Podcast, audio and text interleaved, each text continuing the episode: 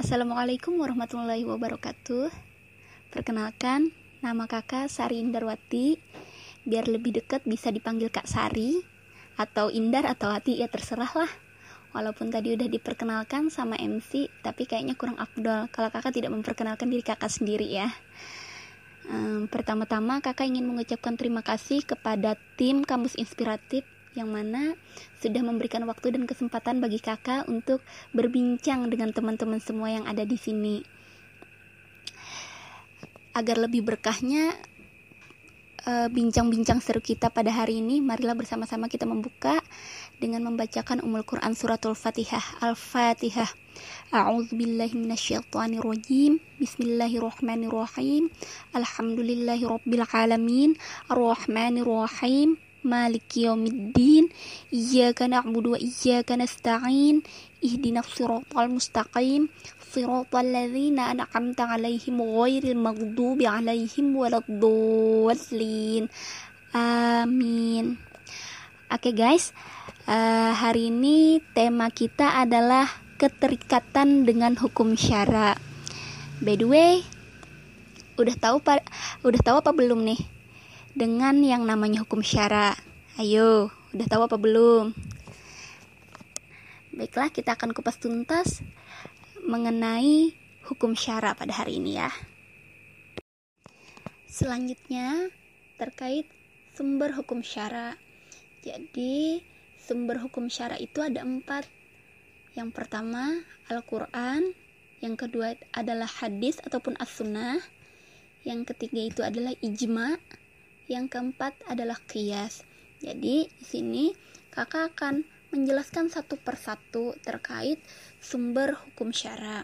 Jadi yang namanya sumber hukum syara ini tadi yang pertama adalah Al-Qur'an. Contohnya itu adalah seperti di surah An-Nur ayat 31 yang mana berbunyi Hendaklah mereka menutupkan kain kerudung ke dadanya dan janganlah menampakkan perhiasannya kecuali yang biasa ataupun nampak daripadanya. Dan juga ada lagi e, dari surah Al-Ahzab ayat 59 yang berbunyi, "Wahai nabi, Katakanlah kepada istri-istrimu, anak-anak perempuanmu, dan istri-istri orang mukmin, hendaklah mereka mengulurkan jilbabnya. Jadi jilbabnya di sini dinglah berbeda dengan jilbab versinya orang Banjar.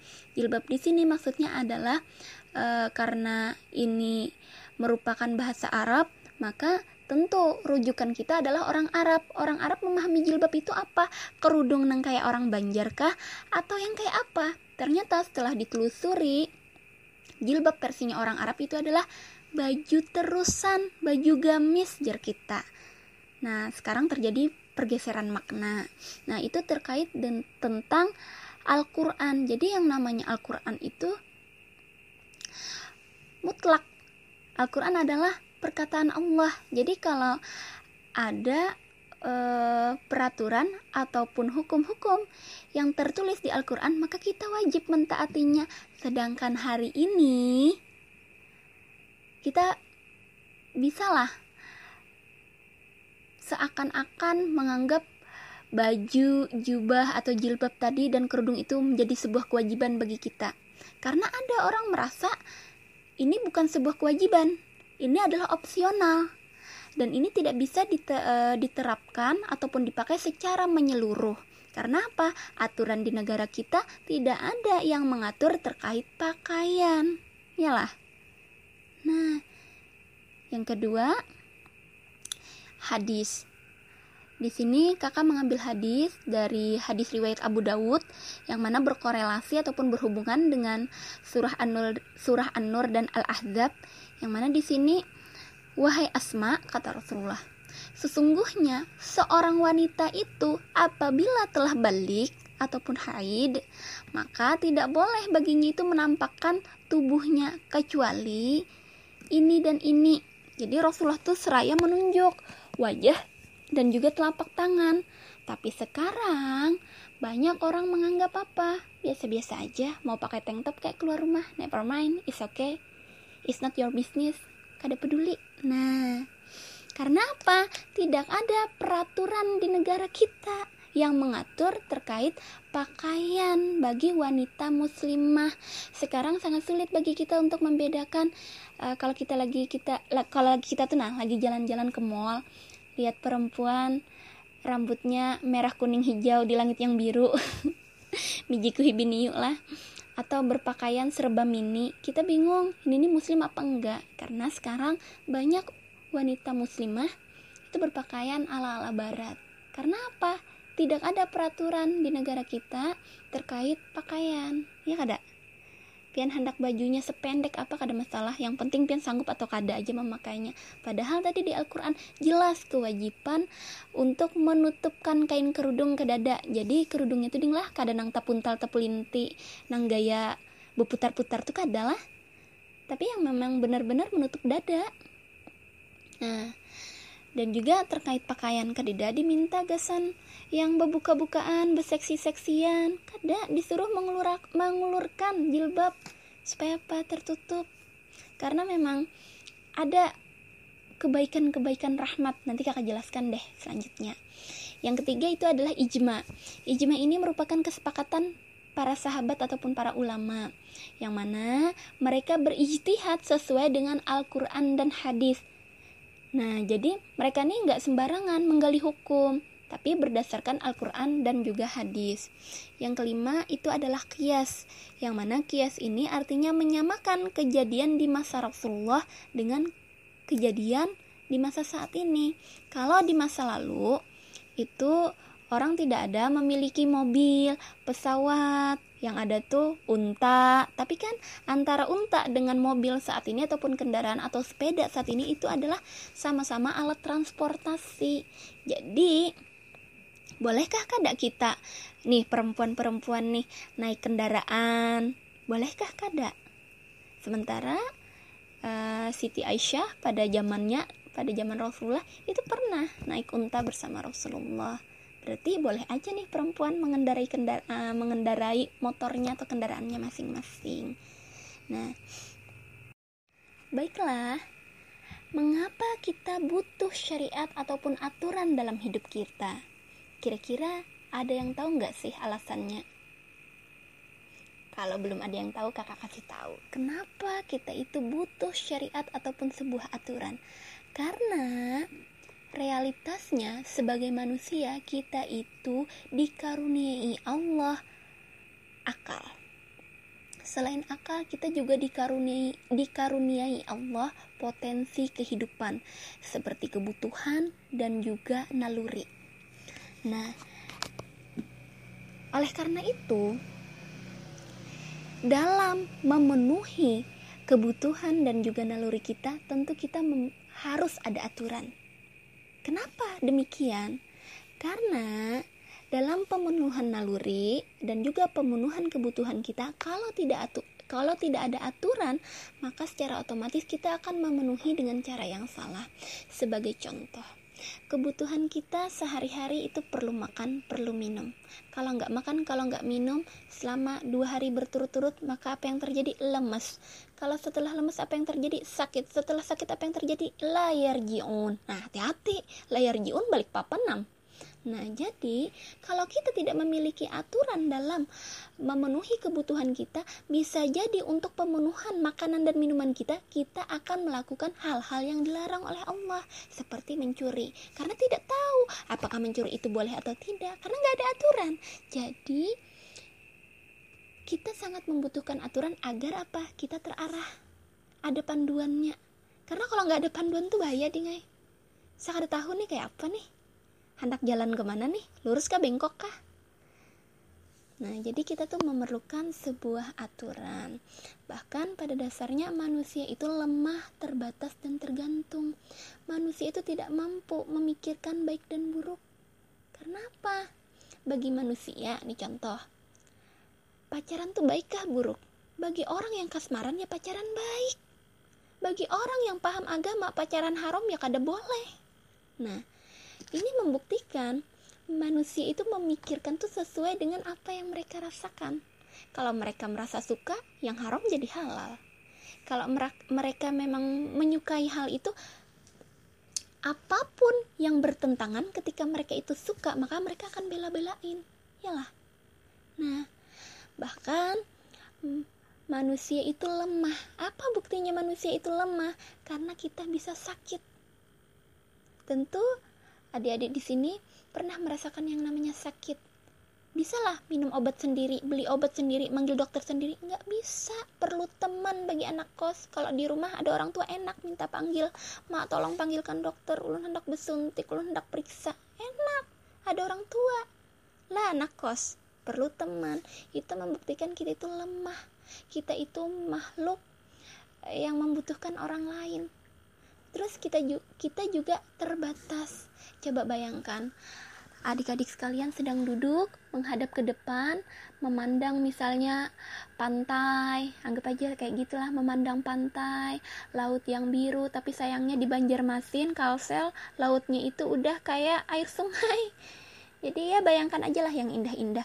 Bisakah adik-adik sekalian sekaligus nih ketika memandang pantai nan biru luar biasa, cantik banget pemandangannya. Terus kalian nih ngelihat di belakang, tapi arah matanya lurus ke depan bisa nggak sekaligus lihat ke belakang? Tidak bisa. Itu mutlak udah nggak bisa kecuali ada matanya nih di belakang kepala. Karena apa? Itulah bukti keterbatasan kita. Kita tidak mampu Nah, karena manusia itu lemah, terbatas, dan tergantung, makanya kita perlu sebuah aturan dan kewajiban kita itu sebagai makhluk adalah terikat dengan hukum Allah secara sempurna. Sebagaimana di surah Al-Baqarah ayat 208 Hai orang-orang yang beriman, nih panggilannya untuk orang-orang beriman, bukan yang tidak beriman. Jadi, hai orang-orang yang beriman, masuklah kalian ke dalam Islam itu secara kafah, secara sempurna. Jangan mengambil hukum Islam itu cuma separuh-separuh, yang mudah-mudah, yang sulit-sulit, yang dilarang-dilarang ditinggalkan. Jangan. Kalau kita ingin masuk menjadi orang yang terkategori orang-orang yang beriman, maka harus mengambil Islam itu secara keseluruhan. Berbuat, bertingkah laku, bertingkah laku itu juga sesuai dengan syariat Islam yang mana ini merupakan syarat penting agar amal perbuatan kita itu diterima oleh Allah. Karena perbuatan yang dilakukan tidak sejalan dengan apa yang dicontohkan oleh Rasulullah atau tidak sejalan dengan syariat Islam, maka perbuatan itu tertolak. Sia-sia dong. Melakukan se sebuah aktivitas tapi tertolak. Misalnya nih, ada yang berpemikiran bahwa hmm, menutup aurat itu tidak wajib, padahal itu adalah wajib. Maka kalau ditinggalkan apa bagi yang sudah balik berdosa? Nah, jadi mudah-mudahan adik-adik di sini semua kan terkait hukum-hukum yang sudah Allah tetapkan itu hendaknya dilaksanakan. Bahkan terikat dengan hukum syara ini adalah merupakan salah satu konsekuensi keimanan. Jadi Allah itu berfirmanlah di surah An-Nisa ayat 65, maka demi Tuhanmu, mereka tidak beriman sampai mereka itu menjadikan engkau, Muhammad, menjadi pemutus hukum di antara mereka dan tidak ada pada diri mereka itu keberatan terhadap apa-apa yang telah engkau putuskan. Mereka berserah diri dengan sebenar-benarnya. Artinya apa? Kita itu di sini benar-benar melakukan apa yang diperintahkan. Karena perlu dipahami dulu bahwa diamnya Rasul, perkataannya Rasul, perbuatannya Rasul itu adalah sunnah bagi kita. Tapi memang ada perkara-perkara tertentu yang memang itu diwajibkan hanya untuk Rasul. Contoh, uh, sholat tahajud kalau bagi kita itu adalah sebuah sunnah yang dianjurkan bagi Rasul itu adalah kewajiban. Terus kalau eh uh, apalagi ya namanya kalau bagi manusia ada kebolehan beristri lebih uh, lebih daripada satu kalau ras kalau rasul lebih daripada empat nah jadi memang ada ya perkara-perkara tertentu yang mana dikhususkan terhadap Rasul, tidak untuk kita. Bahkan Ibnu Katsir menafsirkan ayat uh, surah An-Nur eh surah An-Nur, surah An-Nisa ayat ke-65 ini adalah Allah itu bersumpah dengan namanya yang mulia bahwa seseorang itu tidak dikatakan beriman sampai dia itu menjadikan Rasulullah sebagai pemutus perkara masalahnya. Wajib terikat kepada hukum dari Rasulullah baik lahir maupun batin. Suka atau tidak suka, kita harus ikhlas. Karena apa? Allah tuh sudah inilah sudah menebak-nebak nih kadang-kadang manusia nih ada yang ngeyel dikasih tahu A pengen B. Makanya kan Allah juga berfirman di surah Al-Baqarah ayat 216 boleh jadi kamu membenci sesuatu padahal dia amat baik bagimu dan boleh jadi pula kamu menyukai sesuatu padahal dia itu amat buruk bagimu. Allah mengetahui sedang kamu tidak mengetahui. Nah kalau udah sadar nih Allah tuh lebih mengetahui daripada kita. Maka hendaknya kita tunduk dan patuh terhadap apa yang Allah perintahkan. Nah mungkin dari adik-adik semua mungkin ada pertanyaan nih. Lantas yang berhak membuat hukum itu siapa aja sih? Yang berhak membuat? Apakah ada nih siapa misalnya yang boleh membuat hukum presiden kah wakil presiden kah apalagi wakil presiden kita uh, seorang kiai lah karena beliau mantan ketua MUI nah jadi ternyata yang berhak membuat hukum syara itu tidak lain tidak bukan hanyalah Allah. Kenapa hanya Allah? Karena kita mengetahui bersama hidup dan mati kita aja diciptakan oleh Allah, maka idealnya yang pantas menetapkan peraturan untuk kita tuh tentu Allah. Karena Allah yang tahu tentang kita. Allah yang paling tahu. Karena orang yang menciptakan sesuatu tentu dia paling tahu kelemahan dan juga kelebihan orang tersebut. Nih kakak kasih contoh. Kalian tahu kan laptop atau komputer? Kalau cara uh, cara ngebersihin laptop atau komputer itu gimana caranya? Paling dilap-lap kan dikasih semprot cuman disemprot pun pakai cairan khusus dan keadaan laptop harus mati. Karena kalau keadaan laptop nyala disemprot pakai air apalagi deres layar jiun laptopnya mati. Nah ini terkait laptop dan uh, laptop ataupun komputer. Lalu bagaimana dengan kendaraan ataupun sepeda? Alat transportasi lah intinya. Kalau alat transportasi cara ngebersihinnya gimana? Mungkin lah dipoles-poles aja tidak disiram air. Nggak mungkin kan? Kalau kendaraan mah kalau kotor ya kita cuci.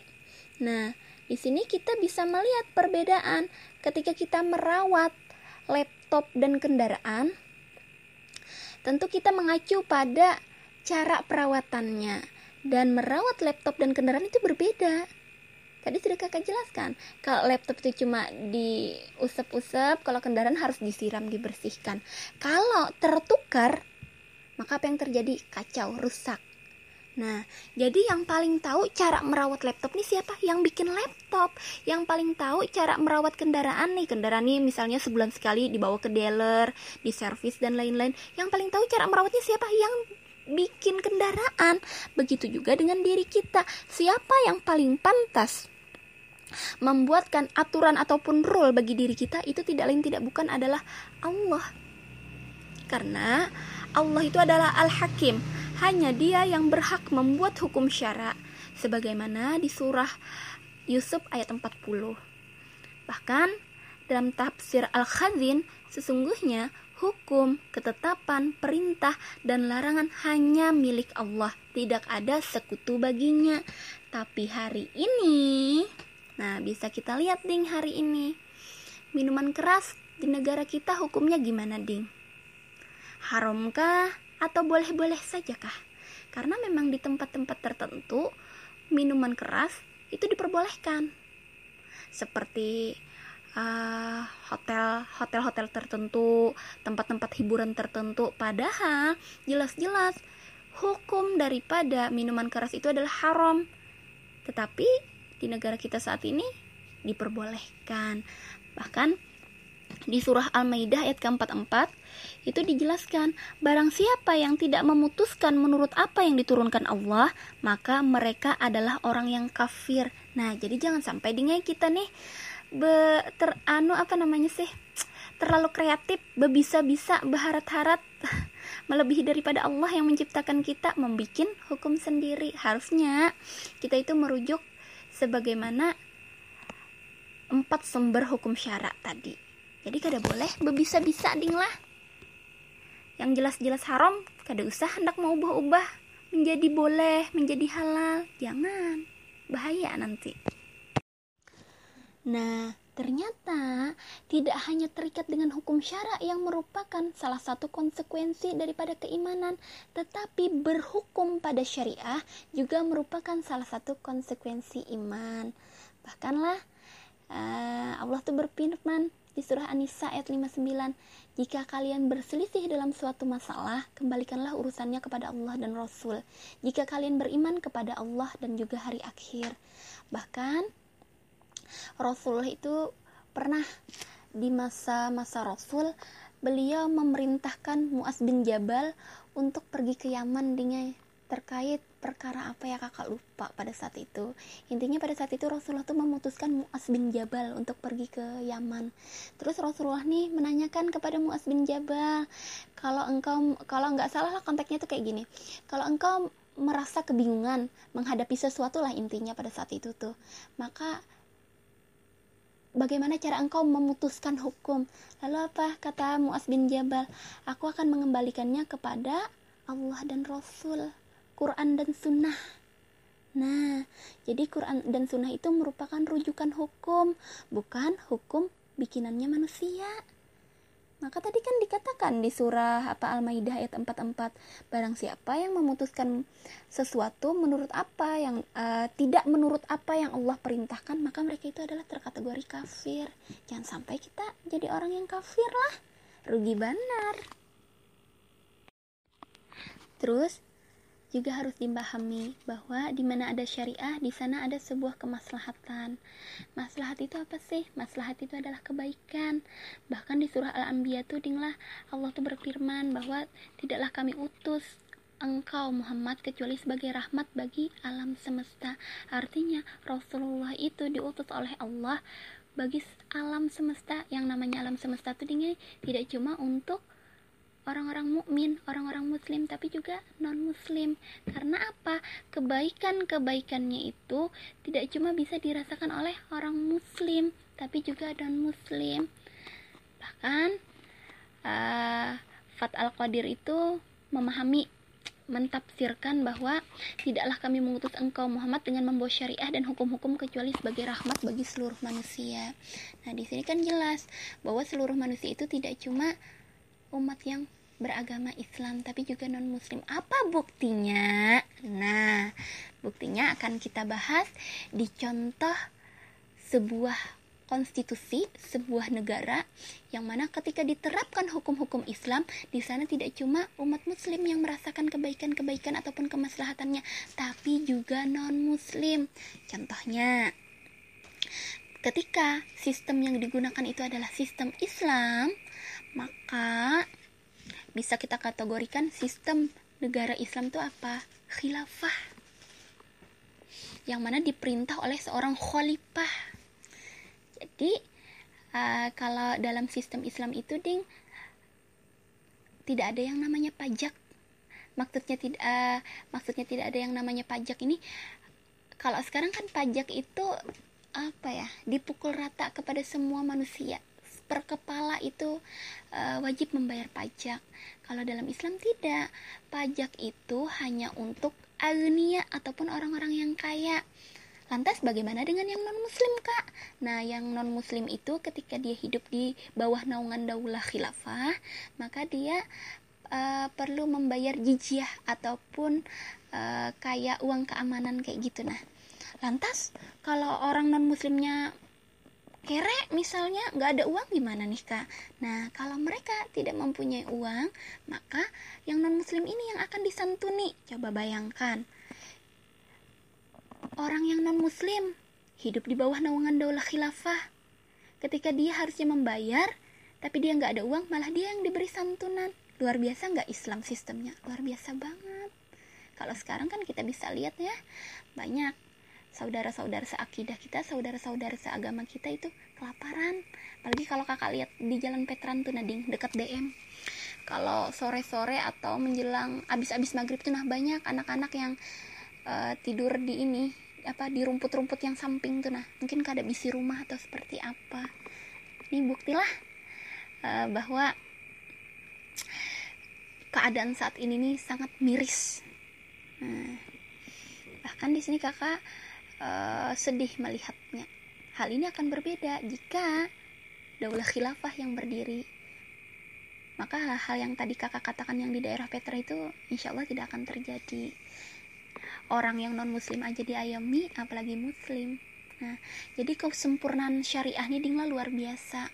Karena syariah ini mengatur seluruh urusan kehidupan, mengatur seluruh interaksi manusia dengan Tuhannya dan juga mengatur uh, dengan dirinya sendiri istilahnya itu hablum minallah hubungan kita dengan Allah. Hablum minan nas hubungan kita dengan orang lain. Hablum minan dengan diri kita sendiri. Agar apa? Misal nih kalau dengan diri kita saking pengennya diet saking pengennya kurus akhirnya apa? Nggak makan makan zolim kita terhadap diri kita. Berdosa nggak boleh seperti itu. Makanya ada aturannya. Bahkan dengan orang lain uh, simpelnya itu begini. Kalau kita punya masalah sama Allah itu lebih mudah minta maaf bertaubatnya lebih mudah tinggal taubatan nasyuha bertaubat sungguh-sungguh maka Allah akan mengampuni kita tapi beda hal kalau kita ada masalah sama, sesama manusia maka harus benar-benar minta maaf sama manusia itu karena kalau dia tidak ridho tidak ikhlas bahaya bahkan kesempurnaan syariah itu adalah aturan hubungan manusia dengan Tuhannya seperti akidah dan ibadah itu terjaga Kenapa kakak katakan terjaga? Karena apa? Kita itu terbina, ding. Kalau sekarang tuh Islam orang Islam kayak tidak Islam, kelakuannya astagfirullahaladzim, menyedihkan lah. Uh, bahkan kayak mengucapkan nih deket kan sama bulan Desember nih perkara Natal nanti jadi perdebatan perdebatan lagi nih. Kalau kita tidak mengucapkan Natal nanti dikira dibilang intoleransi. Padahal memang akidah kita sudah mengatur sedemikian rupa. Bahkan uh, kesempurnaan syariah ini luar biasa. Aturan hubungan manusia dengan sendiri dengan dirinya sendiri pun diatur seperti tadi kan perkara makanan yang kakak contohkan yang diet tadi pakaian ahlak. Karena apa? Uh, kalau kita nggak makan-makan tubuh kita sakit. Berarti apa? Kita menzalimi diri kita sendiri. Bahkan aturan hubungan manusia dengan manusia yang lain seperti uh, muamalah ataupun sanksi apa sih muamalah kak? Muamalah itu adalah jual beli. Jadi kita berhubungan dengan orang lain itu kayak apa? Terkait di sana ada sanksi-sanksi. Dan bahkan di surah An-Nahl ayat 89 Allah tuh berfirman dan kami turunkan Al-Quran itu sebagai penjelas segala perkara petunjuk rahmat dan berita gembira bagi umat muslim. Nah, jadi dengarlah Al-Quran itu diturunkan Allah jelas sebagai penjelas untuk segala perkara. Jadi Al-Quran itu sudah paket komplit. Kada cuma ini aturan kita sama Tuhan, aturan kita sama Allah, tetapi aturan dengan diri kita sendiri, aturan kita dengan sesama manusia yang lainnya itu juga sudah dijelaskan. Nah, bahkan Allah ini menyuruh kita untuk mengambil Islam itu secara sempurna seperti yang kakak jelaskan tadi. Kita tuh disuruh masuk ke dalam Islam itu secara kafah. Dan bahkan janganlah kita itu mengikuti langkah-langkah syaitan yang terkutuk. Allah itu meminta kita tuh beriman dan membenarkan Rasul agar apa kita mengambil seluruh pemikiran Islam, syariahnya, serta melaksanakan seluruh perintahnya dan meninggalkan semua larangannya sekuat tenaga. Dan bahkan wajib bagi setiap muslim itu mengimani syariah Islam seluruhnya karena dibawa oleh Al-Quran dan Rasul. Jika tidak mengimaninya, maka apa yang terjadi? Kita akan terkategori menjadi orang yang kafir. Hendaklah jadi orang-orang kafir. Nauzubillah min lah. Karenanya, orang yang menolak syariah Islam, baik seluruhnya atau sebagian saja mereka adalah orang yang kafir. Bayangkan sekarang tuh lucu benar. Orang ngaji, orang pinter ngaji, orang pinter baca Quran, orang pinter bahasa Arab. Eh, malah dicurigai, malah ditakut-takuti. Akhirnya apa? kita sendiri takut dengan agama kita ini ada apa nih yang seperti ini karena memang sesungguhnya orang yang kafir terhadap Allah dan Rasul itu menginginkan membedakan antara Allah dan Rasul. Mereka beriman pada sebagian dan kafir pada sebagian yang lain, seperti ingin membuat pemisah di antara yang demikian. Mereka itu adalah orang-orang yang kafir. Jadi, kita tudinglah mengambil hukum Islam itu secara sempurna, jangan separoh-separoh. Bahkan penerapan syariah itu menuntut adanya negara. Kenapa penerapan syariah itu menuntut adanya negara? Karena bisalah pian saat ini nih nah. Uh, contohnya adalah ketika kita melihat teman kita bermaksiat. Bisalah pian menegur. Contoh nih, kalau ada teman pacaran, pian negur kawan kawalah yang ada kita disarikinya it's not your business jaraknya ini lain urusan ikam urus aja urusan kam sana mamaku aja kada abut napi kam yang abut ujarnya karena kawala kita karena apa? Tidak ada aturan di negara kita. Bahkan penerut, penur, penerapan syariah ini menuntut adanya negara. Karena apa? Dengan adanya negara memudahkan segala sesuatunya. Peraturan itu lebih mudah. Contoh nih, kakak kasih tahu. Pada tahun 2003, 2003 2004 ya eh. nah pada saat itu kakak ingat betul zaman uh, zaman kakak SMP kelas 3 itu kalau mau ke Banjarmasin itu harus pak uh, tidak wajib memakai helm yang stand SNI dingai kada kada lagi SNI itu. SNI itu sudah ada di 2006 nah jadi pada saat 2000 2003 sampai 2005 itu orang pakai helm yang biasa. Helm helm kerupuk lah pada zaman zaman kakak itu menyebutnya jadi pada saat 2006 2007 sampai sekarang kita diwajibkan kalau mau pakai helm itu harus SNI standar nasional. Kenapa? Karena untuk melindungi kepala kita untuk melindungi kecelakaan kalau jatuh tuh nggak mudah uh, pecah helmnya. Nah masyarakat pada umumnya semua masyarakat tentu apa? Mau mematuhi aturan itu karena apa? Dikeluarkan langsung oleh penguasa, pemerintah. Karena apa? Bila ada yang melanggar, maka akan mendapatkan sanksi tilang. Maka duitnya kada sedikit, mahal tilang itu. Nah, jadi apa hubungannya penerapan syariah itu dengan adanya negara? Karena dengan adanya negara kita akan mudah menerapkan segala hukum-hukum. Karena kalau kadida negara kayak tadi, kita tahu orang pacaran itu maksiat. Kita tahu membuka aurat itu maksiat dosa yang melihat berdosa kasihan. Makanya kasihanlah para lelaki. Lihat depan bubsnya besar banar. Hendak lihat ke bawah bisa terujuk kendaraannya. Jadi bahaya kasihan para lelaki. Jadi hendak mengatur-ngatur kada bisa juga mereka. Karena apa? Terkait sebuah kebebasan. Negara kita kan uh, ini mengusung empat kebebasan.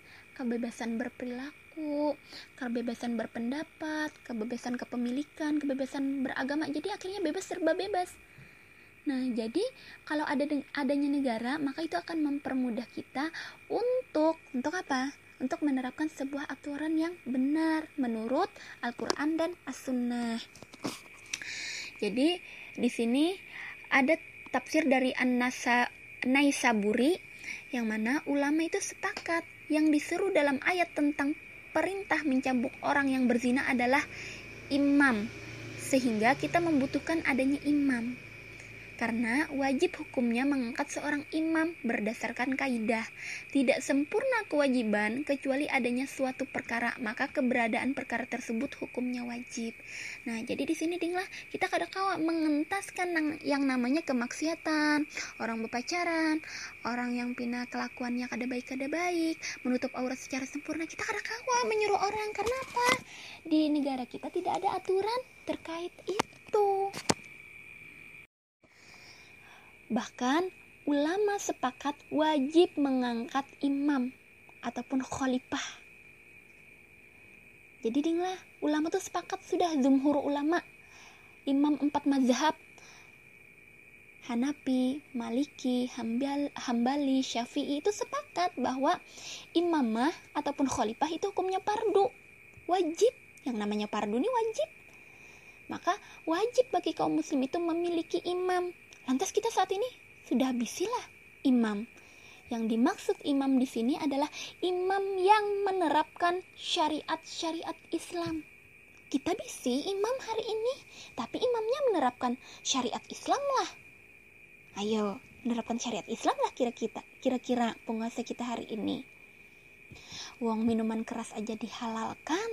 Lucu kan? Diperbolehkan padahal jelas-jelas haram. Jadi kita perlu di sini ding mengangkat seorang imam yang mana dia bisa menerapkan syiar-syiar Islam ataupun syariat-syariat Islam. Bahkan uh, penetapan kewajibannya ini berdasarkan hukum syara bukan berdasarkan akal. Kenapa berdasarkan hukum syara?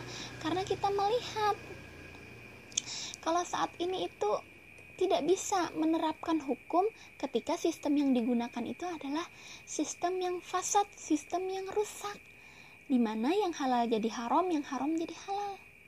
Bahkan Imam Al-Ghazali itu berkata, agama dan sultan itu adalah saudara kembar. Dan agama disebut asas. Agama itu disebut asas, sedangkan kekuasaan adalah penjaga. Nah, makanya di sini kita perlu kekuasaan sebuah negara untuk menerapkan hukum-hukum Allah. Maka apa yang tidak memiliki asas, apa yang tidak memiliki, memiliki asas itu dia akan hancur dan yang tidak punya penjaga maka dia akan sia-sia. Bayangkan aja ding. Pian pernah lah melihat wanita cuy cantik benar. Tapi dingai kada bebadan, kadeda tubuhnya, awaknya kadeda kira-kira jadilah kita kita sebut dia itu cantik. Kan jadi loh. Karena apa? Lebih pada kategori menakutkan. Nah seperti itu juga Islam pada hari ini. Islam itu cuma terlihat sebagian aja. Kayak batu akik tuh nading. Baru ketemu batu akik tuh kan belum digosok belum cemerlang belum cantik belum bernilai. Makanya di sini kita perlu menerapkan hukum-hukum Islam itu secara sempurna. Agar apa? Islam itu di, uh, terlihat kecantikannya, terlihat ke, uh, kebaikan-kebaikan ataupun kemaslahatan-kemaslahatannya. Nah, di sini kakak juga akan menjelaskan tentang bentuk pemerintahan dalam Islam. Jadi, pemerintahan dalam Islam itu berbeda dengan keadaan saat ini. Pemerintahan dalam Islam adalah khilafah wajib. Semua imam, zumhur ulama, imam yang empat itu e, menjelaskan bahwa hilafah itu wajib. Tapi lucunya saat ini orang-orang malah menakut-nakuti kata-kata hilafah itu padahal hilafah itu adalah sistem dan bagian daripada Islam. Kenapa ada orang-orang yang e, menakut-nakuti dengan hilafah itu? Hilafah itu tidak bukan ancaman, tapi kenapa ada segelintir orang yang menakut-nakuti umat Islam yang lain dengan kata-kata hilafah? Karena memang mereka ini pangdinglah e, cara berpikirnya itu kapitalis. Apa itu kapitalis yang mana mereka itu segala sesuatunya itu harus bermanfaat ada nilainya kalau ada nilainya tuh kada hendak melakukan itu jadi bentuk pemerintahan dalam Islam itu berbeda dengan saat ini. Bahkan bentuk pemerintahan dalam Islam itu uh, kakak katakan tadi itu berbeda, baik kita lihat dari segi apa pun itu berbeda. Karena apa? Pemikiran, pemahamannya. Kalau negara kita sekarang kan berhutang, pakai riba, itu jelas sudah dalam Islam haram. Jadi sangat berbeda dengan bagaimana cara khilafah itu mengayomi umat. Khilafah itu tidak cuma buk, tidak cuma sistem pemerintahan saja, tetapi dengan adanya khilafah itu akan menjaga akidah kita keyakinan. Karena pada faktanya hari ini banyak orang yang uh, keluar masuk itu keluar masuk agama itu sekehendak hati. Bahkan banyak juga orang yang tidak menerapkan syariat ataupun aturan-aturan Allah bahkan dengan adanya khilafah itu kita akan terjaga akidah kita. Syariah kita lebih mudah ditegakkan. Kalau sekarang ding lah. Kalau di zaman zaman kakak dulu pengen hijrah nutup aurat itu kayaknya malu sama teman-teman. Karena apa dikata-katain? Eh soalim mahaji datang mahaji datang. Kayak gitu kayak gitu. Tapi uh, kakak rasa itu adalah sebuah ujian jadi besar harapannya adik-adik sekalian itu tidak mudah terpengaruh dengan hal itu karena dengan sistem khilafah sistem pemerintahan khilafah itu kita akan mudah menerapkan syariah Islam aturan-aturan Islam karena apa? Semua orang melakukan itu. Kalau tidak melakukan itu, maka dia akan diberi sanksi. Kalau sekarang yang menerapkan yang dicemooh, oh aneh kelak. Bahkan dengan adanya sistem pemerintahan hilafah itu akan menyatukan kaum muslim. Kenapa kakak katakan menyatukan kaum muslim? Saat ini tentu uh, pernah lapian mendengar tentang saudara seakidah kita, saudara seagama kita di negara lain yang mana mereka tertindas, kelaparan, dilecehkan dan lain-lain. Banyak lagi penderitaan-penderitaan yang bahkan kalau kakak ingatlah beberapa tahun yang lalu sekitar tahun 2017 apa ya. Ada muslim muslim dan muslimah di Myanmar. Myanmar itu dia dibakar hidup-hidup. Bisalah kita di negara Indonesia menolong mereka? Jawabannya apa? Tidak bisa. Karena apa? Kita tersekat nasionalisme. Seakan-akan kalau ada masalah di luar sana yang terjadi pada saudara seagama kita kita tuh kada bisa menolong dingai. Karena apa? Tersekat nasionalisme dan di sini dengan adanya khilafah kita mampu menyatukan bahu membahu tolong menolong. Bahkan dengan adanya khilafah mereka itu orang-orang yang ibaratnya saudara-saudara kita tadi yang kakak jelaskan yang berada di luar sana yang tertindas maka mereka itu akan dilindungi.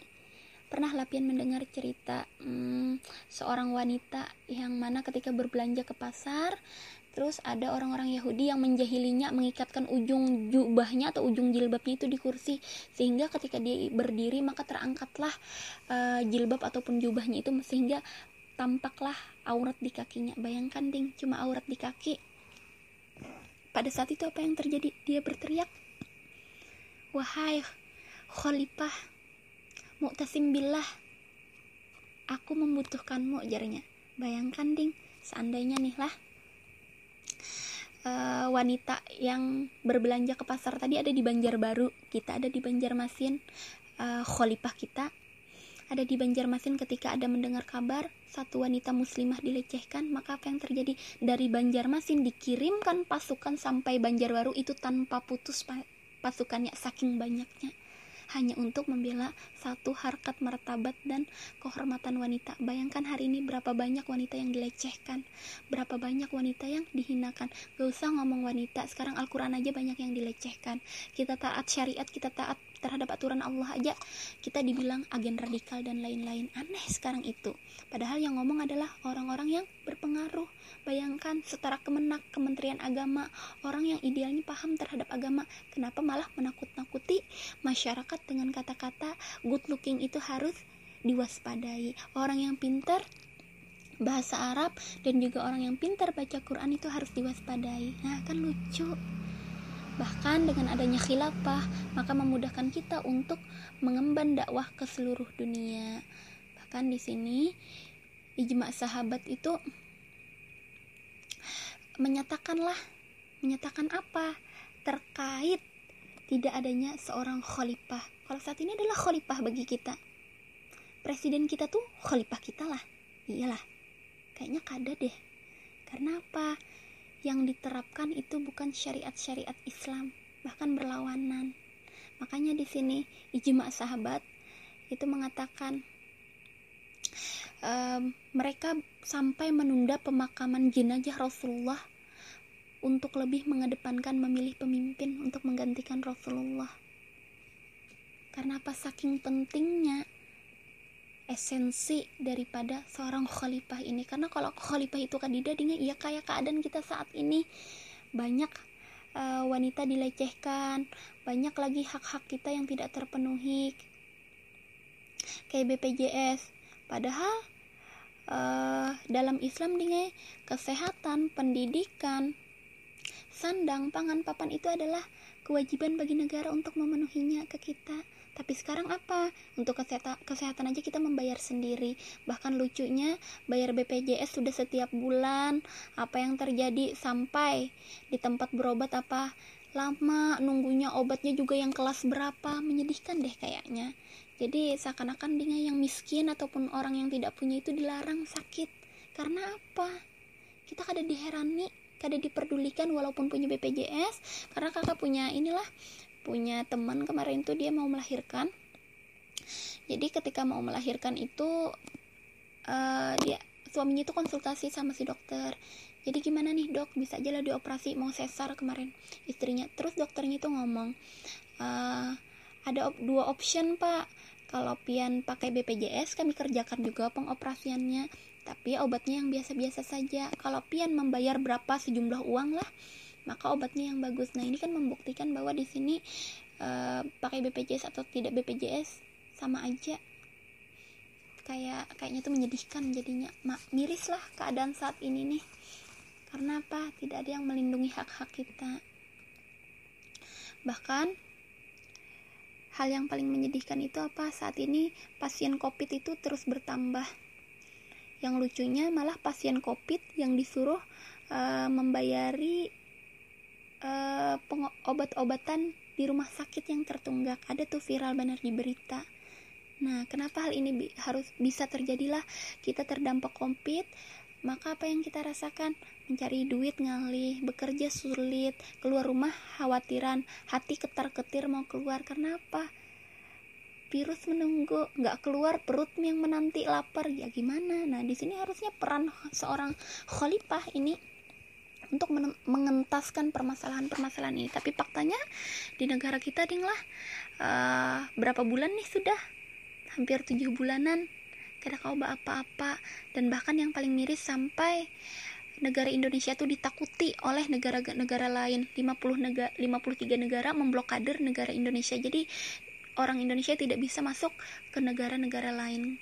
Jadi, kenapa hal itu bisa terjadi? Hal ini dikarenakan mereka takut di Indonesia kan penanganan COVID nggak selesai-selesai. Jadinya kita sampai di blokade seperti itu. Nah, khilafah merupakan mahkota kewajiban karena apa?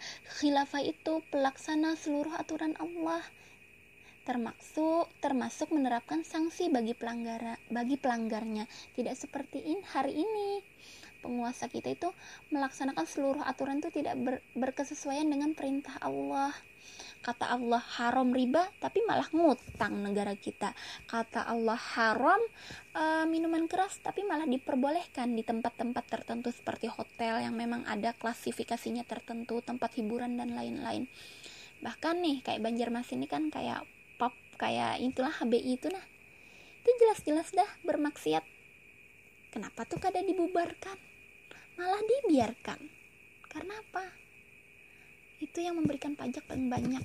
Tempat hiburan seperti itu dia membayarkan pajaknya banyak makanya tidak ditutup. Bahkan dengan adanya khilafah itu menjamin terpenuhinya naluri dan kebutuhan jasmani manusia melahirkan ketenangan. Kita tuh secara otomatis ingin teratur. Karena apa?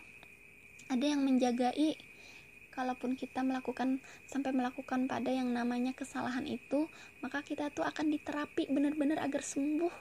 Jangan aneh-aneh kalau sekarang mah pedofilia di mana-mana mengerikan. Karena apa? Nalurinya tidak tersalur. Jadi hal ini menimbulkan keresahan di masyarakat. Bahkan dengan adanya khilafah itu akan banyak terdapat kemaslahatan. Kehidupan kita tuh akan terasa damai dan bahagia. Karena apa? Coba bayangkan. Dengan adanya khilafah sandang pangan papan pendidikan kesehatan itu tidak dipikirkan lagi negara udah menanggungnya. Nih bagi yang sekolah kada perlu lagi memikirkan SPP memikirkan bayar kuliah. Karena apa? Itu diberikan oleh negara. Jadi orang itu dengan bekerja tuh cuma se seperti mengisi waktu luang aja tidak seperti sekarang. Bekerja itu seba uh, seakan-akan adalah is everything. Bekerja itu adalah segala-galanya sampai lupa waktu lupa sholat lupa kewajiban terhadap Allah ya kalau saking ininya begawi kadingat lagi lawan sembahyang. Karena apa? Kejar benar target. Ini pang yang diakibatkan ketika khilafah itu tidak ada di tengah-tengah kita. Makanya khilafah ini adalah mahkota kewajiban wajib bagi kita menerapkannya. Bahkan dengan adanya khilafah khilafah ini akan memimpin pelaksanaan kewajiban dakwah dan jihad. Islam menyebar ke seluruh penjuru dunia sebagai rahmat jadi luar biasa dinglah kewajiban mendirikan uh, mendirikan sebuah negara khilafah ini karena dengan adanya negara khilafah, secara otomatis problematika umat, permasalahan-permasalahan ada, permasalahan-permasalahan yang ada di tengah-tengah umat itu akan terselesaikan. Tidak seperti saat ini, bertambah-tambah terus negara, uh, bertambah-tambah terus permasalahan. Bahkan kemarin kakak mendengar uh, statement uh, penguasa kita yang mengatakan bahwa obat covid itu akan ready akhir tahun. Bayangkan hampir 7 bulan 8 bulan 9 bulan lebih kita berapa namanya hidup berdampingan dengan covid hati ketar ketir selama itu baru penanganannya itu pun sampai akhir tahun belum tentu nih memang benar-benar real atau ada atau tidak ada terkait uh, apa namanya uh, obat yang dikatakan ready tadi. Nah jadi dengan adanya dengan seperti ini Dinglah membuktikan bahwa sudah saatnya kita kembali. Kembali ke mana ke hukum Allah. Karena kalau hukum Allah itu diterapkan maka insya Allah tidak ada lagi uh, apa sih namanya keresahan-keresahan di masyarakat. Nah itu dulu dari kakak. Wabillahi taufik wal hidayah kakak minta ridho jika ada salah penyampaian dan lain-lain Al-haqqu min rabbika minal mumtarin karena kebenaran itu mutlak hanya milik Allah. Kesalahan itu murni dari diri kakak pribadi. Wassalamualaikum warahmatullahi wabarakatuh.